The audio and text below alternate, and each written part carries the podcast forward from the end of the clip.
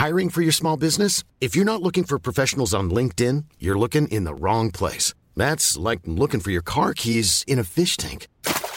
LinkedIn helps you hire professionals you can't find anywhere else, even those who aren't actively searching for a new job but might be open to the perfect role. In a given month, over 70% of LinkedIn users don't even visit other leading job sites. So start looking in the right place. With LinkedIn, you can hire professionals like a professional. Post your free job on linkedin.com slash people today.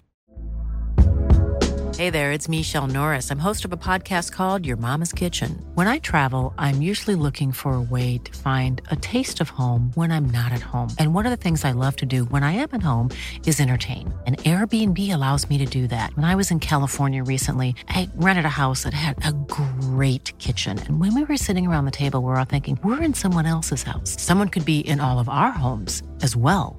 If you have a home, but you're not always at home, you have an Airbnb. Your home might be worth more than you think.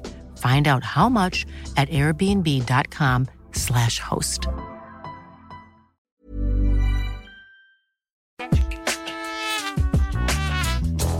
Återförenade Igen. i radhuset, där vi hör hemma. Ja. Vi eh, sitter ju här i tisdag morgon. Vi är tillbaka från eh, två vändor i Italien. Varsin vända. Varsin vända. Ja, vi gick om varandra helt. Ja. Och vi ska ikväll ha vårt första poddevent Ja, som kul. ni får höra mer om sen på eh, Bläck med Adidas. På grund av att det är fotbolls-VM. ja, precis. Men när, det här, när podden kommer ut så kommer vi redan veta hur det gick. Och det kanske var superdeppigt. Men jag tror inte det. Men jag tror vi kommer ha kul. Jag tror Men jag är bara kommer rädd- kommer ha kul. Jag är bara rädd för regn. Men du, det är tak där. Jag har tänkt på allt, gumman. Jo, jo. Men innan har någonting du byggt annat. ett tak? Innan någonting annat. Vad mer händer på fredag när vi släpper det här avsnittet? Jo, Det här är är- den bästa låten. det är Brita Zackaris födelsedag. Den Och är, dock inte, alltså, den är ju dock inte på fredag, den är på torsdag. Va? Ja. Fan, Eller? alltså Att jag aldrig lär mig datum. Ja. Men jag har för mig att det är den 14 juni och då är det på, fre- på fredag. Nej, men det är den 13 juni. Nej men det är det ju inte. Jag googlade det här. Då står det fel i någon artikel. Jag, Margret Atladottir, eh, ett Olsen Twins. Det här är 13 juni. otroligt att jag googlade. Mm. Och det är ju ibland fördelen med att ha en vän som är eh, semikänd. Mm. Jag tycker jag ska säga känd bara. Ja, och, alltså att du kan googla fakta elak. om mig. Ja, exakt. Och där kom det upp så här, 14 juni och jag var så här, kanon. Va? Du Då släpper vi podden. Då Det blir det kan Stevie. Wonder. Det kan inte ha stått 14 juni. Ja, men det står ju också... använda dem. Pressombudsmannen. Jag läste i tidningen. I tidningen? Ja, jag läste i tidningen. Källa, tidningen. Nej, men det var DN som skrev om att Ikea ska börja tillverka möbler, eh, eller de ska faktiskt väva mattor och dukar av plast. Jaha. Alltså återvunnen plast Mm. från liksom våra plastberg i haven. Woho, nu händer det grejer kan man tänka. Men grejen är, och det var lite tråkigt tycker jag, alltså Mini Rodini som gör jättefina barnkläder. Mitt barn har en baddräkt från dem, Mm. eller hon faktiskt två baddräkter från dem. Och de är gjorda av så här, eh, fisken, alltså så här, typ plasthärvor som man hittar i haven. Mm. Det har de gjort i flera år. Och nu är det som att det är så här, woho, Ikea ska till slut, alltså, vilket jag tycker är typ en goddamn skyldighet nästan. Och det känns som att det är så här, vi pratade om det tidigare när företag ska hålla på och göra så här goodwill, Mm. få jättemycket press på att så här, nu gör vi det här. Mm. Man bara, fast ni har varit piss i 80 000 år. Mm. Alltså vet du hur mycket plast Ikea producerar? Men det här är lite som pappa-feminist-diskussionen. Förlåt, det var det första som Ja. kom upp till mitt Ja, huvud. kul. Ska vi straffa dem för att de inte har varit feminister i 40 år? Eller Ja. ska vi glädjas för att det kommit en ny till laget? Där är jag fan på andra sidan. Men har vi pratat Du om det är tidigare? moraliskt inkonsekvent. och Det är Jag är moraliskt inkonsekvent, men för med pappafeminismen så tänker jag så här, men thank God att de i alla fall byter sida när de då ska fostra döttrar. Mm. Alltså att det i alla fall, ja men vad skönt att det i alla fall kommer då. Men, Du menar att Ikea retroaktivt borde Men göra jag något menar att Ikea- kraftigare? Hade du velat ha en, liksom, en större aktion? jag skulle vilja att de liksom rakt av bara så här, nu ska vi av, liksom, inte vet jag, sluta med plast helt och hållet. Vi lägger ner Ja, från och med idag. jag måste Nej, men jag är ju av den st- starka anledningen att när sådana stora företag gör någonting sånt så skapar det svallvågor. Att de är viktiga inte bara för sitt aktiva fotavtryck ekologiskt utan också opinionsbildande. Som om H&M har någon slags recycle-grej Mm. som kanske bara är en procent av deras verksamhet. sätter det ändå en standard och en norm i samhället. Alltså jag, jag är kluven där, men jag, jag har någon slags eh, sån position. I don't know. Här kommer ett tips också. Mm. Eh, Man kan lämna in alla möjliga kläder för återvinning på H&M, även kläder som inte är köpta på H&M. Det kan Det- man också göra till bara din, liksom, eh, på din hörna. Ha, finns ibland så här åter... Eh, Var på min hörna? ja, men du vet, på gården eller någonting. Jaha! Eh, jag bara... Någon slags den återvinning, här hörnan? återanvändning. För man pratar om att återanvändning är steget innan återvinning. Att någon annan slipper betala pengar. Mm. Ja, för som slipper man transporteras. Så, så det är Fällstensarmén och det är det ena och det andra. Men för de grejer som inte går att använda. Vi har ju såna kläder som vi har använt ner till liksom minsta lilla Ja, beståndsdel. trasiga kläder. Ja, bort med dem. Välkomna återigen till Conan O'Brien-podden. Jag vet vad du ska säga. Nej. Och jag är så glad för att du tar plikten nu. Ja. Vad ska jag säga då? Att uh, självaste Hannah Gadsby Ja, gästade vår älskling. Ja, alltså jag, jag fick rys nu när du sa det. Alltså jag skrek rakt ut för mig själv. Hannah Gadsby, som vi har pratat tidigare om i den här podden, vi tog upp ett talk som hon och hennes påstådda partner Jill Soloway, jag vet inte om de är liksom offentliga med det, men de, De sitter på scen tillsammans. Vad sa De du? kanske inte jobbar så heller. Nej, men och vem ska bry sig egentligen? Alltså, eller vi bryr oss ju. Ja, vi gör ju Ja, det. vi gör ju det. Där de bara, alltså det som är fullsmockat med Mm. smarta saker som sägs. Eh, och att hon då gästar Conan O'Briens podd var ju, alltså jag tjöt rakt ut. Nej men jag bara, när, när avsnittet dyker upp, Mm. jag, alltså det kom ljud ur kropp. Eh, inte i bak... Nej, du är gravid så det kan komma från vilken ände som helst. Åh gud, alltså jag har en sån story om det där. Ja. Alltså Parisa, det, jag kommer dra den sen. du var och vandrade förra veckan. Jag kan tänka mig att det var en del Nej, kroppssituationer. nej, alltså det var bland folk. Alltså jag, nej, alltså det här, Men- jag ska påminna mig sen om att jag ska berätta, berätta om ljud som kommer från kropp som jag inte kunde Men jag, kontrollera. ly- jag lyssnade på det här Hannah Gadsby-avsnittet under en morgonpromenad i Florens. Jag gick ut själv. Jag promenerade bort till Piazzale Michelangelo där man kan se hela stan från. Otroligt vacker skulpturpark intill. Och går och lyssnar på två personer som har efter en väldigt lång karriär behövt omprioritera vad de står för. Och något som vi älskar mer än eh, late bloomers, alltså folk som slår igenom sent, Ja. är ju också någonstans folk som får en, en nytändning. Vare sig det är en andra våg som en revival eller som en... Att man kommer till insikter och lyckas ändra sin person och sitt liv. Och det som de mycket fokade på var ju Hannah Gadsbys budskap av att sluta vara självnedvärderande. Som hon tar upp i sin Netflix-special Nanette, som jag Ja. gissar att väldigt många som lyssnar på den här podden har sett. Men har ni inte sett det, Mm. då tycker jag att ni genast trycker på paus just nu, går och tittar och sen Mm. Och återkom. sen lyssnar igen. Nej, men det blir dåligt för vår statistik. Lyssna klart gärna. Ja. I alla fall, eh, och det hon kommer fram till är att varför hon drogs till komiken var för att här kunde jag stå och bara dra ur med alla mina trauman och hemskheter om min åsikt om min kropp och person och eh, få skratt på det. Någon slags connection med andra människor. Och Conan har ju också haft en humor som har varit nästan 99 procent självnedvärderande. Och de, ibland så, han säger att han försöker sluta med det efter vad hon har sagt. Alltså hon har ju ett otroligt avtryck i humor och i kulturen tror jag med Nanette. Jättefint. Men sen så, sen så är det ju också eh, att Conan kommer ju från ett annat ställe. Jag menar, han, är, han är ändå en, en vit man och hon är... Vilket han säger 30 gånger. Ja, precis. Ja, men jag håller med. Ja, precis. Men jag håller liksom lite med om det. Ja. Det är inte lika synd om honom att han håller på att trycka ner sig själv, tycker jag. Alltså, Hannah Gadsby har ju haft det jättesvårt. Det är också väldigt eh, starkt, tycker jag, när hon berättar om eh, att hennes mamma Mm. skulle komma och sitta i publiken när hon drar den här Nanette, när de skulle filma hennes eh, show, Mm. Nanette, för att göra den här Net- Netflix-specialen och att eh, eh, hur det var liksom, Mm. att stå och dra allt det där. För den är ju väldigt, väldigt, jag ska inte säga mörk nödvändigtvis, men allvarlig Mm. stundtals. Men det som jag skulle vilja slänga in här, det är ett eh, klipp från när hon pratar om allas vår Picasso. Only rich men buy Picassos, and that's why they talk about it. That's why he's worth it, and he's he's all right. Keep him in the museums. Keep the conversation going, sure, but uh, add a few other people in there, and let's keep in the story that he was a prick biscuit. Like he was an asshole.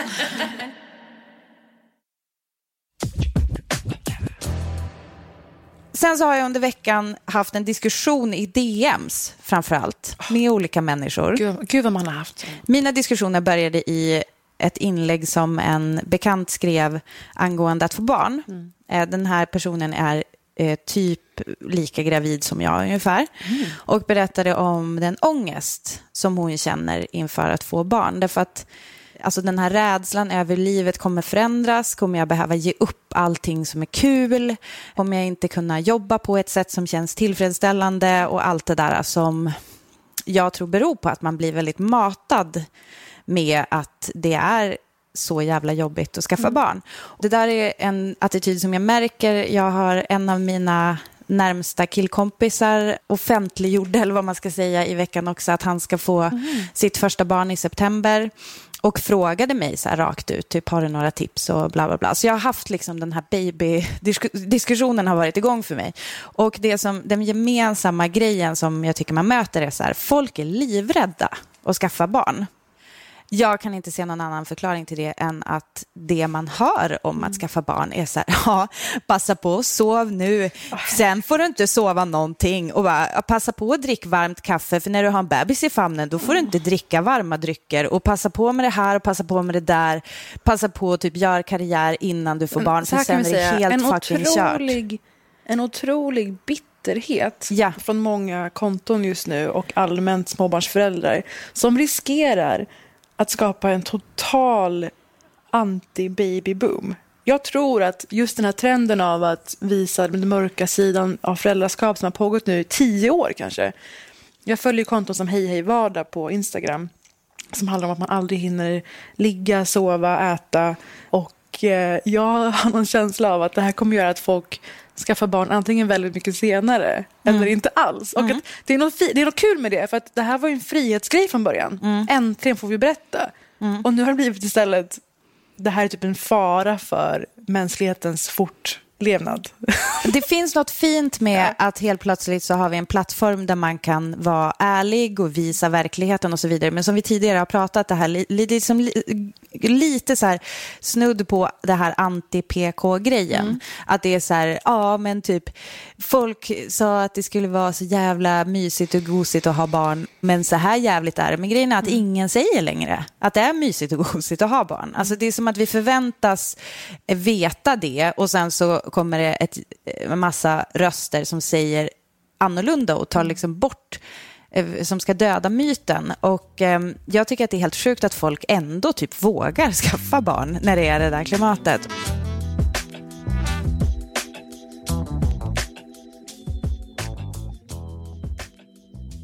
Vi pratade ju sist om att det enda som går att kritisera nu för tiden är folk som kritiserar saker. Ja. Och att det är det den här podden går ut på.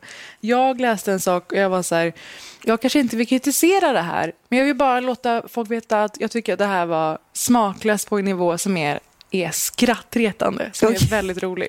Man vill inte alltid få till någonting i det man säger. Jag vill inte liksom starta en revolution mot Blondinbella. Lyssna på den här rubriken.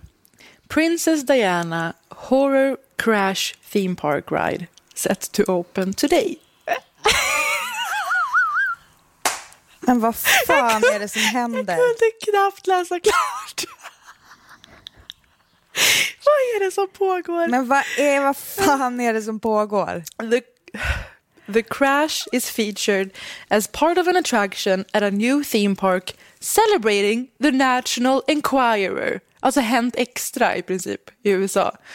De har alltså gjort en temapark där de går igenom olika uh, höjdpunkter ur skvallerhistorien. Och då är precis Dianas bilkrasch som tog hennes liv ett av dem. Vill du säga Alltså vad, vad, gå- vad, where do we go from here? Ehm, vuxna kommer få betala 20 pund för att få se en remake av The Crash som ägde rum 31 augusti, min mammas födelsedag. Eh, 97. Finns det någon, alltså vem, vem har skrivit den här artikeln? Finns det liksom någon kritisk röst? Eller är det Men bara alltså, så här, det, det är kolla det. på det här Det här har ju handlat så fort i liksom fältet. Alltså Saturday Night Live, Ja. Weekend Update, när de går igenom hysteriska nyheter. Ja. Det är alltså en 3D-modell. Man tittar ner på vad som ser ut som Paris eh, och man ser kraschen utspela sig och det är paparazzi och allt vad det är. Visitors will be spared close-ups of Dianas body. Så de har ändå tänkt på att ha viss Åh, nivå och klass. That's thoughtful. Och i denna Nej, anda... men då blev det classy helt Det blev classy. Ja. Och i denna anda vill jag Ja. nu försätta dig i en annan sak. Blessed be the fruit. Den här veckan har ju A Handmaid's Tale eh, premiär, säsong tre. Du, Britta Zackari, har ju inte sett en sekund. Nej, jag Nej. vågar inte. Du skiter i kvinnors rättigheter. Nej, men jag, det är för att Parisa, det är för att jag bryr mig så mycket om dem som jag inte kunde... Jag kommer få andnöd av att titta Ja. på det där. En serie som jag tyckte borde ha tagit slut nu, säsong två. Men vi lever ju i en era där allt ska alltid fortsätta. Man ska vrida ur varenda trasa tills man hatar den här trasan. Mm. Som en som dålig relation som borde ha varit en fling. Ja, man exakt. hinner börja hata varandra. Gör slut i tid bara. En person som har märkt av det här och verkar vara ett fan av serien är ju eh, Kylie Jenner. Har du någon känsla för Kylie Jenner? Har jag någon känsla för. Ja, men det är ju eh, en av Sveriges rikaste self-made women, eller hur? Har du Sveriges rikaste? Va? Nej. Världens rikaste. Och eh, en rubrik ur detta.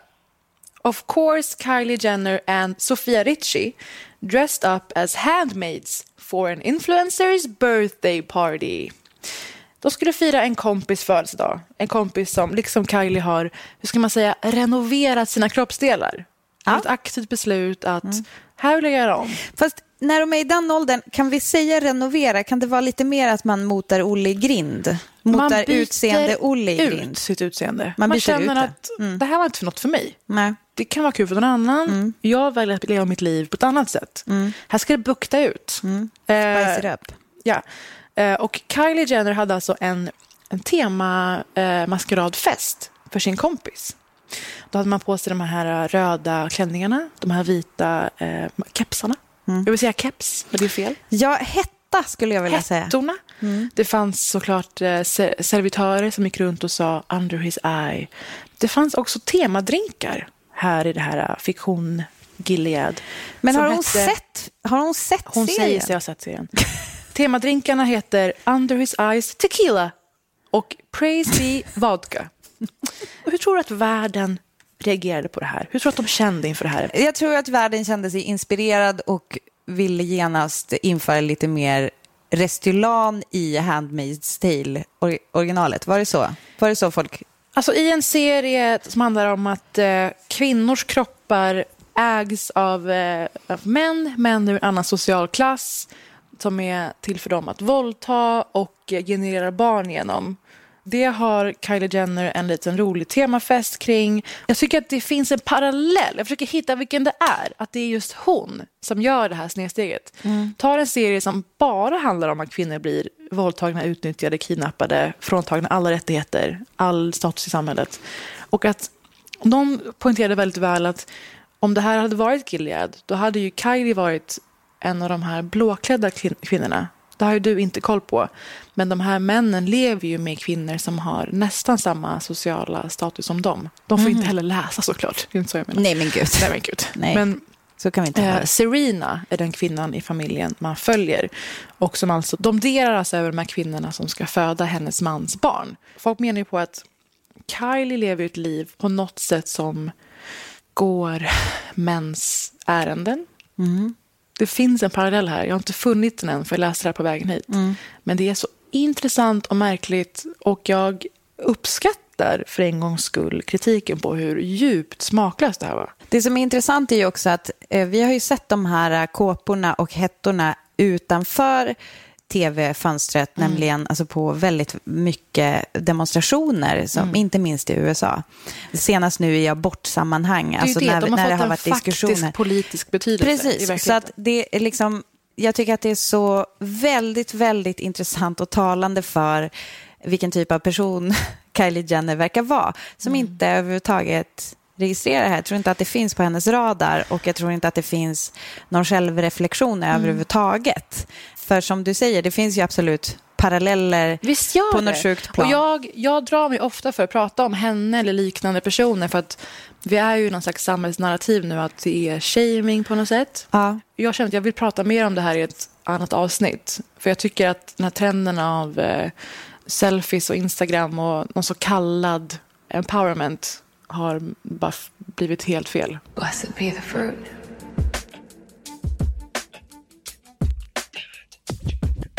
Vi lever ju i en era nu av att det kommer väldigt många serier som är väldigt, väldigt bra.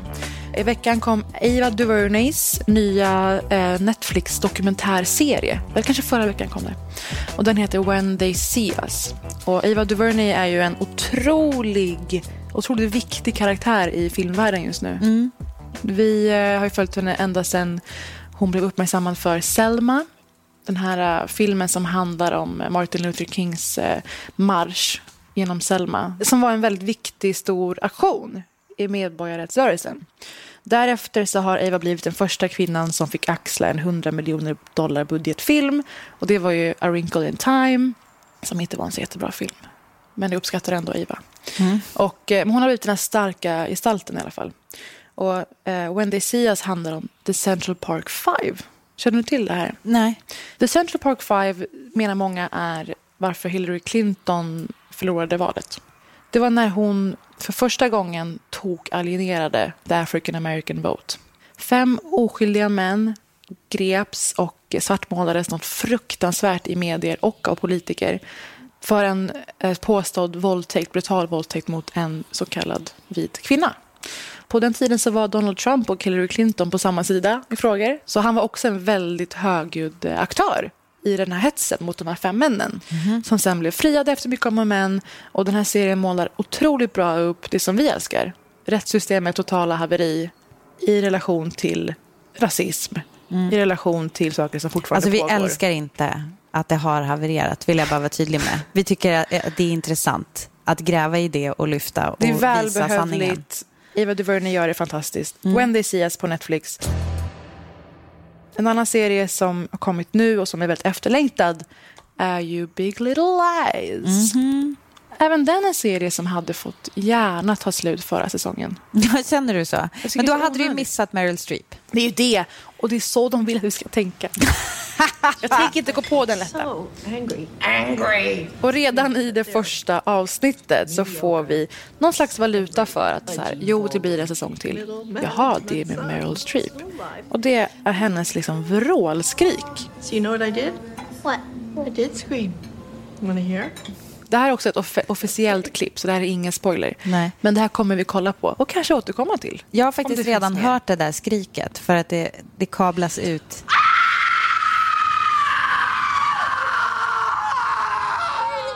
Det är faktiskt underbart. Alltså Meryl Streep har väl spelat ganska omtyckta karaktärer på sistone. Det är Mamma Mia. Margaret Thatcher kanske inte så mycket, men det var ju ett tag sedan nu. Det här kan bli karaktären när hon går och blir en mörk jävel. Jag kan inte sluta tänka på att det där skriket är så folk borde ha reagerat på när de kom till Kylie Jenners kalas. Blessed be the fruit.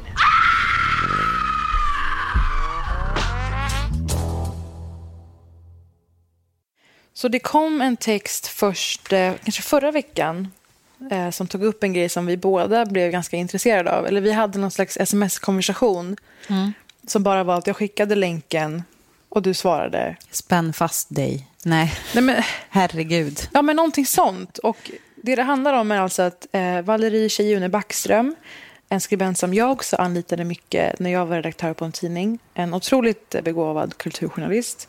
Hon har skrivit en text som handlar om eh, som influencers och influencers relation till liksom, en feministisk antirasistisk agenda.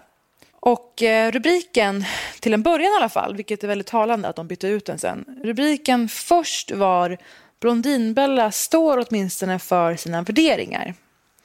Och eh, jag kände ju någonting mer åt suckhållet. Ska vi snacka om det här igen? Finns det inte annat att prata om? Men då gör man sig skyldig lite till det här whataboutism som man pratar mycket om. Så jag vill ändå liksom ta tillfället i akt och prata om vad hon tar upp. Och sen ska vi säga byttes rubriken till en lite mer klickvänlig konfliktskapande rubrik, nämligen Hellre Blondinbella än Kakan och Sara Larsson. Det bytet och den rubriken säger väldigt mycket varför jag kände suck. För att man på dessa kända kvinnors namn försöker skapa aversioner, man försöker underkänna deras engagemang, dumförklara dem egentligen. Spelar och de mot varandra dem. också? Ska vi gå igenom vad hon skriver? För hon 100%. går ju loss på influencer-fenomenet kan man väl säga. Så här är ingressen. För dagens kändisfeminister har antirasism och aktivism blivit ett sätt att tjäna pengar. Valerie Tjejune Backström synar den senaste sälj grej med tjej-trenden. Det fortsätter. Det här är ett väldigt eh, innehållsrikt stycke här. Förut gjorde folk uppror för att de ville förändra saker. Idag gör folk uppror för att man behöver en radikal profil för att ett företag ska ringa och be en sälja grejer åt dem. Det är ju i egenskap av vänsterfeminist och antirasist man är attraktiv. Man når helt nya målgrupper.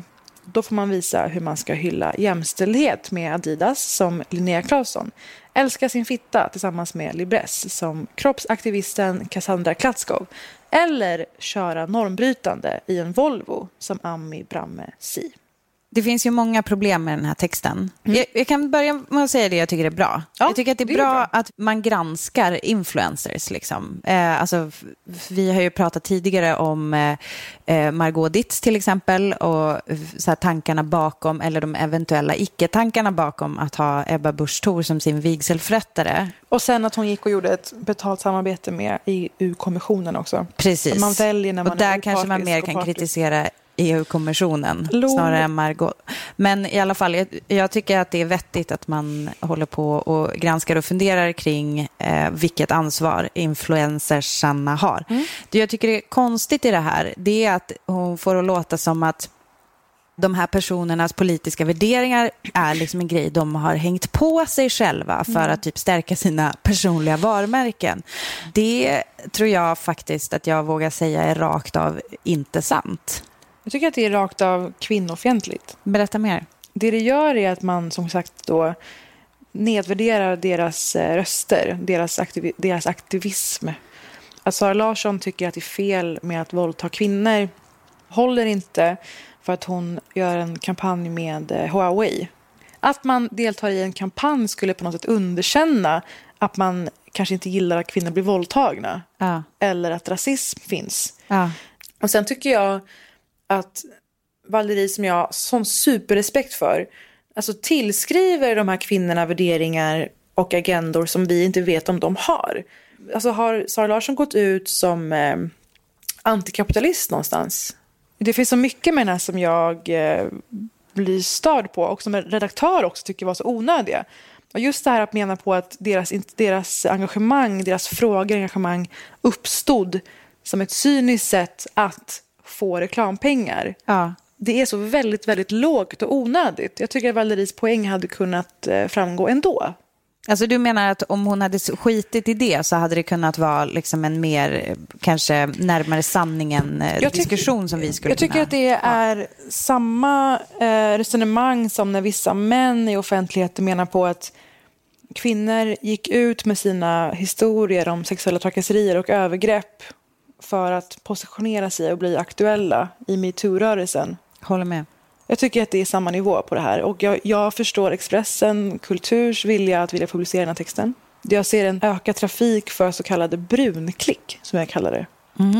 Och det här är på något sätt någonting som appellerar både till kulturvärlden, och de blir intresserade och klickar av de här tjejerna, och brunklick för att det finns så många högerextremister och högerextremist-curious, som jag kallar dem, som är nära till högerextremister, som älskar att hata på kvinnor som Kakan Hermansson och Sara Larsson. Och de står för allt som de föraktar. Och att man i en sån här artikel genererar trafik från båda håll på något sätt. Eh, Så det var väl en storslagen dag på redaktionen när den här kom ut. High-fiven i korridorerna. Ja, och om man då bortser på något sätt från att hon totalt underkänner, underminerar deras plats i offentligheten, deras röster, deras aktivism, vad de står för. Om vi ska komma till vad hon menar är problemet. Alltså hon menar på att det här är en del av att till exempel sätta empowerment på saker, en tandborste eller vad fan det nu må vara. Och att det är en ihålig sorts aktivism från företag och liknande. Att man försöker rida på vågen av intresset för eh, mänskliga rättigheter. Hon tar upp ordet femvertising. Och jag tycker att det finns många skäl för att prata om femvertising. Jag fick det slängt på mig när jag gjorde en gala med United K och med UN Women i mars på kvinnodagen. Ett samarbete mellan dem som oavkortat gav eh, UN Women 1,6 miljoner kronor till deras verksamhet. En gala som helt genomsyrades av deras budskap, klipp från deras olika aktiviteter där, eh, alla besökare uppmanades att bli månadsgivare och många blev det. Så det spred kunskap och drog in en massa cash? Ja. Och eh, vi lever ju i en marknadsekonomi. Företag har pengar. Mm. Det var ju någon som slängde det här på mig och var så här... Och någon som, och jättesorgligt, men någon person som absolut inte är journalist på något sätt, men som eh, skrev massa felaktigheter som att det blir inga pengar kvar efter att Paris Amiri och Clara Henry som jag gjorde gala med ska få sitt arvode. Och man bara, det kom från Nina Tricot. Mm. Inte en slant togs från de här pengarna som gick till Young Women. Det var Nej. oavkortat betyder. Journalistik one Det var alltså one. någon som skrev om det på... Ställ en god fråga. Nej, på Instagram, det var väl inget speciellt. Ja. Men jag tycker att femvertising är relevant för samma dag gick ohyggligt många nätsajter, varumärken, när fan det nu ut med mejl och sånt som var grattis på kvinnodagen, här har du en god rabattkod. Mm. Det är ihåligt, det är verkningslöst, det är att vilja rida på en våg för att tjäna snabba pengar. Och försöka verka vara för kvinnors rättigheter fast man inte gör någonting. Så jag tycker att det är en jätteintressant diskussion men jag tycker att hur den förs riskerar att underminera hela den vettiga konversationen som vi behöver hålla. Jag tycker att det är väldigt problematiskt också därför att om vi tar då Kakan som exempel, hon är ju namngiven här, eh, hon har ju faktiskt förlorat samarbeten eh, på grund av sin politiska framtoning. Så att det är ju inte ens sant, alltså för det första så är jag rätt övertygad om att det inte ens är sant att de här människorna lägger sig till med eh, en politisk åsikt för att det här, ser bra ut och eh, typ drar till sig. Alltså det är en så befängd jävla tanke. Det här är ju människor som har hållit på och gastat om de här sakerna i flera, flera år. Innan det ens var en grej med att man kunde göra stora samarbeten, alltså som att ens personliga varumärke liksom kunde samarbeta med eh, företag. Att man förminskar kampen de här människorna gör varje dag. Att det förminskas till att det är liksom poserande och sådär. Det är liksom helt sjukt. Men att man också, jag, jag har så jäkla svårt att tro att det är någonting som företag flockas kring och sugs till. Det är snarare ett problem. Det där stämmer inte. Men en grej hon skriver. Att Åhléns, Monkey och H&M vill tjäna pengar förvånar ingen. Men att feminister underblåser detta får mig att förtvivla. Här är den feministiska kändisen den gyllene mellanhanden. Den som genom sitt godkännande legitimerar hela spektaklet. Och sen går hon vidare och pratar om att olika företag som feminister har jobbat med har eh, dåliga löner och villkor för kvinnor i fabriker och liknande, vilket är en jätteviktig fråga. Det jag vill säga är att företag utgör idag en otroligt stor del av vårt offentliga samtal. Alla budskap du nås av, Britta, på en dag från kultur, politik, media, vad det nu må vara, och reklam och företag, skulle jag säga att företag och reklam är 70-80 procent. Eller? Den där timmen Netflix på kvällen, den där läsa en DN på morgonen.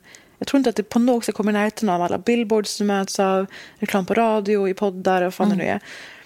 Om den delen av det offentliga samtalet är genomsyrat av tro på mänskliga rättigheter, vilket feminism och antirasism är, är det något fel med det? Det är min första fråga. Att det sprids och upprätthålls som normen, som någonting som berör alla och som förbättrar livet för alla. Det har jag svårt att se vad som är fel med det. Ja, jag har också det. Och alltså, hon tar ju upp Ami Bramesi också, eh, att hon skulle visa på något normbrytande i en Volvo-reklam. Och grejen är ju att Volvo har ju verkligen ett jävligt stort lass att dra när det att visa att det är faktiskt hela Sveriges eh, bilvarumärke. Liksom. Det är ju liksom det enda hon har gjort är att stå vara med på en bild tillsammans med sin familj i ett Volvo-sammanhang. Alltså, Guranio Volvo här- skulle jag vilja ja, säga. Det här Och- är sorgligt nästan. Ja, och jag vill också slänga in, det var ju också en eh, artikel eh, på DN Debatt mm. eh, häromdagen som Nina Åkestam, ett gäng andra forskare på Handels Rubriken är Mångfalden har inte ökat i den svenska reklamen. Eh, så det är liksom... Jag, jag läste också den. Och jag hästlass att dra där. Jag läste också den. Jag vill bara koppla den till det här om Ami bland annat. Alltså, du och jag, Britta, för att vara transparenta, är också väldigt kommersiellt aktiva. Och ja, vi finansierar precis. vår verksamhet. Och vilken reklam omger den här artikeln på Expressen Kulturs hemsida? Absolut. All verksamhet behöver finansiering. Mm. Eh, så där, där, först och främst är det en otrolig tankevurpa. Och eh, det som DN Debatt tar upp här, i ingressen står det Mångfaldskritiska röster hävdar ofta att reklam med multikulturella teman har ökat drastiskt de senaste åren, grundat i ängslig politisk korrekthet hos varumärken. Men nya studier tyder tvärtom på att icke-vita är kraftigt underrepresenterade i svensk reklam och att ingen signifikant ökning har skett de senaste tio åren, skriver fyra ekonomiforskare. Problemet är att när vi ser Ami köra en Volvo, ingenstans står det var normbrytande. Det är inget budskap som basuneras ut. Det hon gör sig skyldig till är att ha sin hudfärg. Ja, exakt. Och köra en bil. Ja. Och det vidrigaste av allt, liksom den här pojken på Lens omslag som råkade vara brun och vara Lucia. Ja. Att det här läses in, det läses in så mycket fruktansvärt i detta från både högerextremt håll och, väl, och vänsterradikalt håll. Man, man liksom drabbas av straff från båda håll egentligen. Och det som är grejen är att var det inte så att vänster ville, vänstern ville öka synligheten och möjligheterna för människor som växer upp i sig marginaliserade områden eller tillhör grupper i samhället som är osynliggjorda. Var det inte det vi ville? Ja, alltså, nu säger jag vi som samhälle, inte som alltså, vi en del av vänstern som politisk rörelse. Men var det inte det som var tanken?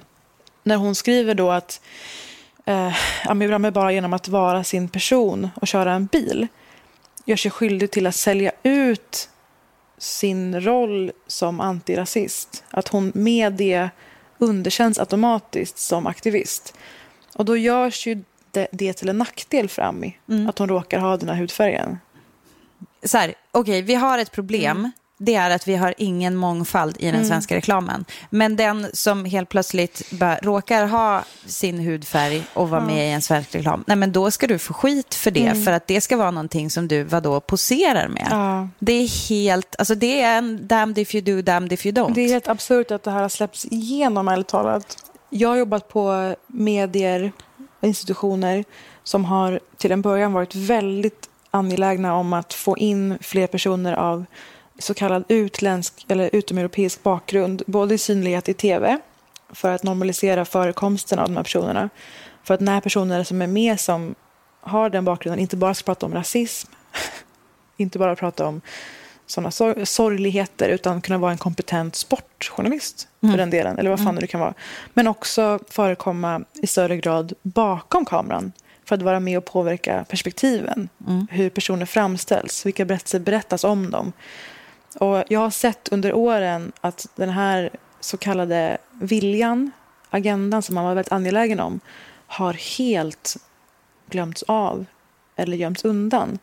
Just på grund av otroliga påtryckningar från högerextremister eller högerextremist-curious människor som menar på att det är diskriminering mot vita, att vilja göra upp för det otroliga, den otroliga osynlighet som drabbar alla människor som inte ser ut som gemene så kallad etnisk svensk. Och jag är så jävla ledsen över att det här också har, det här också har dragits in till den lilla rörelse som fanns som ville öka synligheten för de här människorna, alltså den så kallade vänstern. Britta, du vet ju hur jag känner för romcoms. Ja. Fostrad av dem, fuckad av dem på grund av lever i tron att det ska bli så bra. Ja. Nej, men jag älskar ju, som vi har sagt många gånger nu, Nora Ephron. Eller hennes arv till eh, film och litteratur med sin otroliga... Hon är väldigt witty, hon pratar som folk pratar. Mm. Det är fantastiskt roligt och det är intimt. Harry mötte Sally, Sleepless in Seattle, för er som inte har lyssnat ordentligt på tidigare poddar. Men vad fan gör och ni inte det för? You've got mail. Och nu har det kommit en ny sådan som heter Always be my maybe. Har du sett den? Nej, jag har inte sett den, men jag läste en jättelång intervju med Ali Wong. Ja. Eh, otroligt bra och kul i Vanity Fair. Gillar du henne? Har du koll på Ge- henne sen gammalt? Ja, men eh, tror du att jag har koll på Ali Wong eftersom hon har gjort, inte en, utan två specialer While Pregnant? Alltså, du, får du upp den på Netflix? Olika saker med gravida kvinnor, kategorin. Alltså, typ, men det är ju bara för att någon har ha- hackat mig eller typ att så här, måste storebror ser mig. Ja, det måste vara De bara, nu vill hon se det här förmodligen. Men Ali Wong är ju en av de mest kända, framgångsrika så kallade Asian American komediener. Den här romcomen då är otroligt fyndig. Och också här så här välspelad intimitet. För det handlar om två bästa kompisar som växer upp tillsammans. Båda har eh, föräldrar från, jag säger bara Asien nu överlag. Och eh, bor i San Francisco, har väldigt olika uppväxter. Efter kanske 15 år av den här bästisrelationen har de en liten fling, börjar hata varandra och skiljs åt. Du känner till upplägget. Hon går och blir en kändiskock, otroligt rik, framgångsrik. Han eh, bor hemma, röker weed och jobbar i sin pappas luftkonditioneringsfirma. Och här ses de då, och förutom att den är hyllad för att vara en film där för en gångs skull så får Asian Americans, förlåt det finns ingen bra översättning på svenska, Nej. de visas som hela människor och att för en gångs skull det inte att deras föräldrar är handfallna utan det är de. Andra generationen som har sina olika kval och konstigheter för sig. Den här filmen har blivit väldigt uppmärksammad för just en väldigt speciell cameo.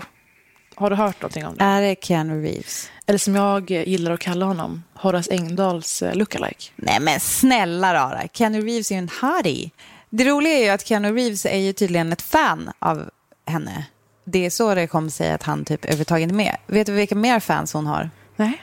Beyoncé och Ja. Jay-Z. Ja. Kommit fram och typ sagt hej, vi. Obehagligt att vara en person som sitter och säger det där i en intervju känner jag. Nej, jag ska inte hata på henne. Det är väldigt bra Vanity Fair-intervju. Mm. Eh, läs den om ni har möjlighet. Men eh, det roliga är att det kommer liksom fram för att hon skulle berätta att hennes man sen många, många år tillbaka, Mm. alltså de har varit ihop dölänge, att han så här kommenterade det någon gång när de var, han var med på hennes show. Och han bara, fatta vad ditt liv har blivit annorlunda. Nu kommer liksom Beyoncé fram och säger gud vad du är rolig. Alltså det, det, är ganska, det var ganska fint, liksom, Mm. den blicken på det hela. Men finns det någon som inte har en sån historia? Det känns som att var och varannan liksom, person i Hollywood eller i anslutning till berättar att Beyoncé kom fram på en fest och älskade mig. Det, hon lever ju, hon är nya Bill Murray fast med andra lägre stående kändisar. Bill Murray är ju känd för att springa fram till vanlisar på stan och ge dem olika roliga upplevelser. En bild sant. med Bill. Han spelar fotboll med dem. Han eh, går på deras bröllop helt oinbjuden. Och det här är ju vad Beyoncé gör fast med lägre stående kändisar. Vänta, helt oinbjuden. Det är Ja, audacity. Men han är ju väldigt känd för det. Vet du hur noga man räknar kuvert när man Ja, har bröllop? Skoja, jag räknar fel på 25 pers. Jag hade offrat någon på en sekund. Jag sagt försvinn, nu är Bill här. Alltså moster, eh, liksom gammelmoster Greta, bara hej då. Gammelmostrar, don't know him, don't care. Det som blir intressant i den här filmen är att det här är en del av det som kallas för en Keanu-sans. Har du hört det här uttrycket? Nej. Alltså en Keanu renaissance, en Keanu Ja. revival. Ja. Och jag måste hålla med om det. Förutom att han är med i Toy Story 4, John Wick 3, de här otroligt våldsamma filmerna, eh, så är han med här och gör också bara allmänt mer eh, appearances, talkshows och annat. Och eh, jag tror att det här är också en del av att han har blivit en sån kille som eh, många liksom, unga tjejer eh, älskar bilder på. På typ 90-talet och sånt. Ja, Eller hur? Stripig lugg och sånt. ja, jättesnygg. Eh. Jag var så kär i honom i Speed, men det har jag sagt Fy, förut. Så jävla het. Och man, man har ju ändå bilden av att han har varit borta ett tag. Mm. Man undrar honom det här, tänker jag. Jag undrar honom jättemycket. Jag tycker också att det visar sig att han har ett lite funny bone. Och jag antar, jag vet inte hur det funkar i filmen, men Ali Wong sa i alla fall själv att han har liksom en, en väldigt bra så här, komisk stil som man kanske inte har fått se.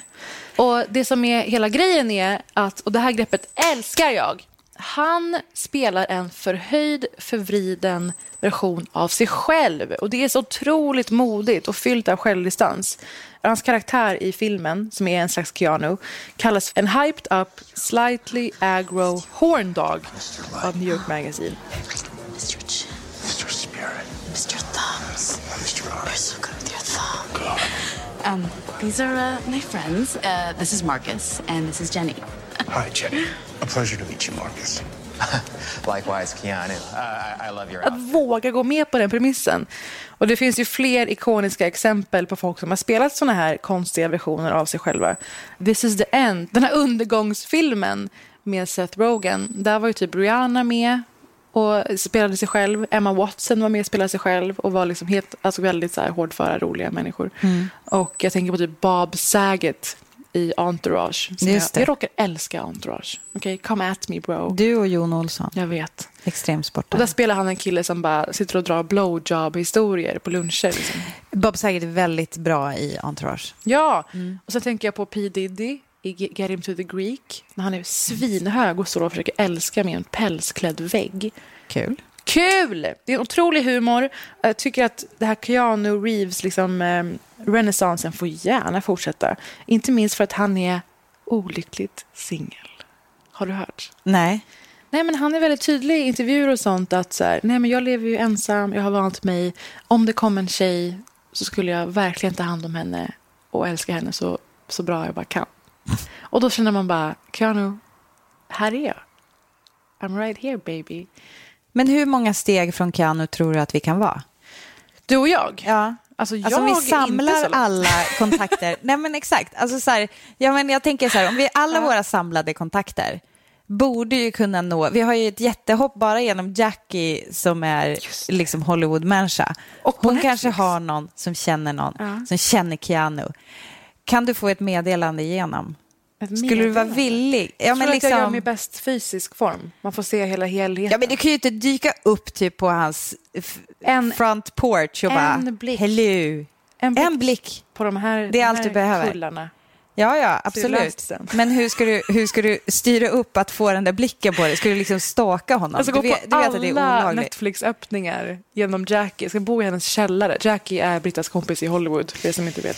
Ja, hur som helst, Keanu är alltså din drömman och det här kommer hända känner jag. På något sätt så måste du ju kunna äh, skapa upp... Han är ju född samma år som min mamma, så vad kan gå fel?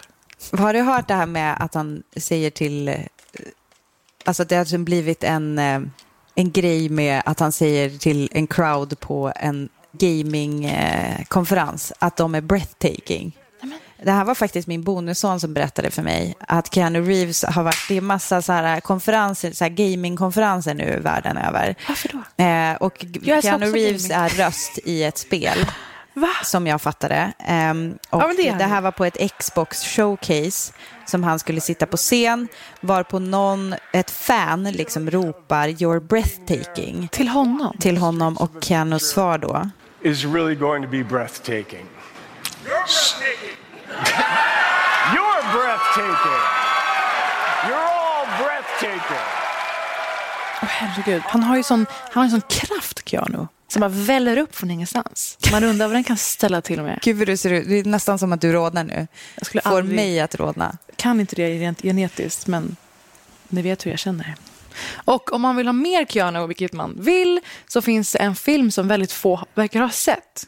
Det är en film med en annan person som har gjort en revival på senare år, nämligen Winona Ryder. Fortfarande ingen klocka. Alltså, absolut ringer klockor på båda namnen Mm. du säger nu, men vilken film?